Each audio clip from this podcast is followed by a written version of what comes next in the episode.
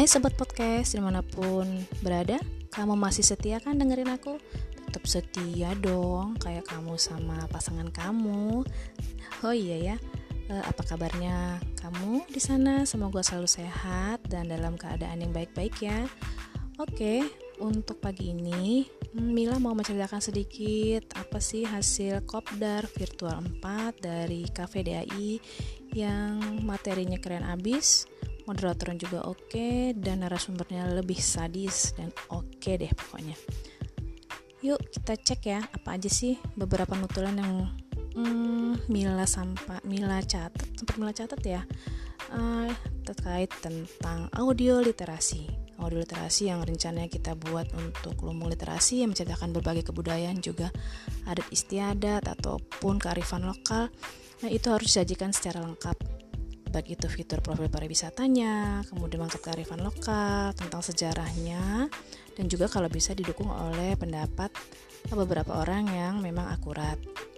Dan kita buatnya dengan versi yang terbaik ya, dengan menggunakan audio yang terbaik untuk audio literasi. Kemudian ada juga yang utama di Kopdar Virtual 4 ini ada tips dan trik tentang rekaman yang oke, menghasilkan suara yang oke tetapi menggunakan uh, alat-alat yang sederhana.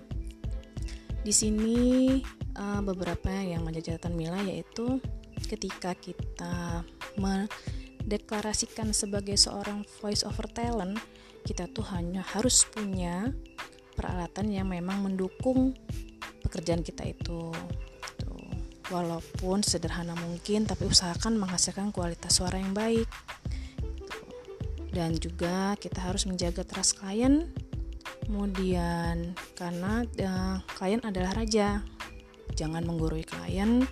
Kemudian juga untuk peralatannya usahakan kita mempunyai mic sendiri atau mic yang oke okay, hmm, mic kondensor ya utamanya tadi dari uh, Om Mike menyampaikan hal tersebut.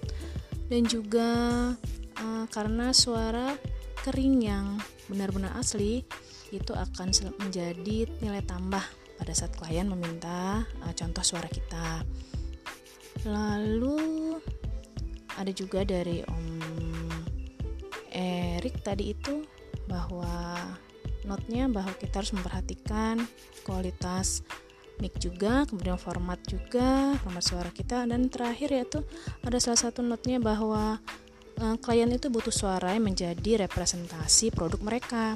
Jadi kita harus bertanggung jawab terhadap kualitas suara yang kita berikan harus yang terbaik itu dan juga ternyata kita harus kreatif untuk manfaatkan apa saja sih eh, alat-alat yang bisa alat sederhana utamanya yang bisa untuk meredam suara suara noise kita pada saat kita mengambil suara di suatu ruangan.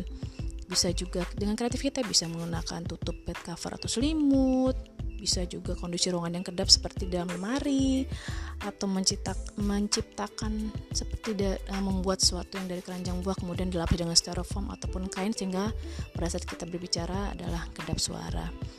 Uh, sementara itu saja, jadi intinya uh, usahakan kita selalu memberikan yang terbaik kepada klien kita pada saat kita sudah me canangkan bahwa kita sebagai voice over talent dan juga selalu uh, memberikan kualitas suara yang oke okay, sehingga uh, klien itu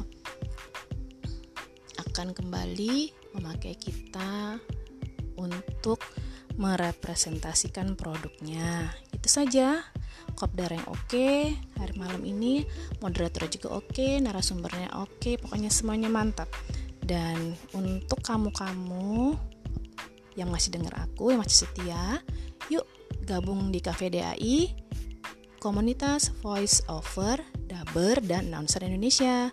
Kamu gak bakalan rugi deh, malah kamu tambah keren dan bersinar di sana.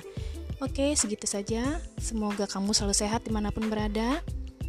Selamat mendengarkan, tetap setia dengan Mila Aziz Podcast. Sampai jumpa lagi. Salam sayang selalu dari Mila.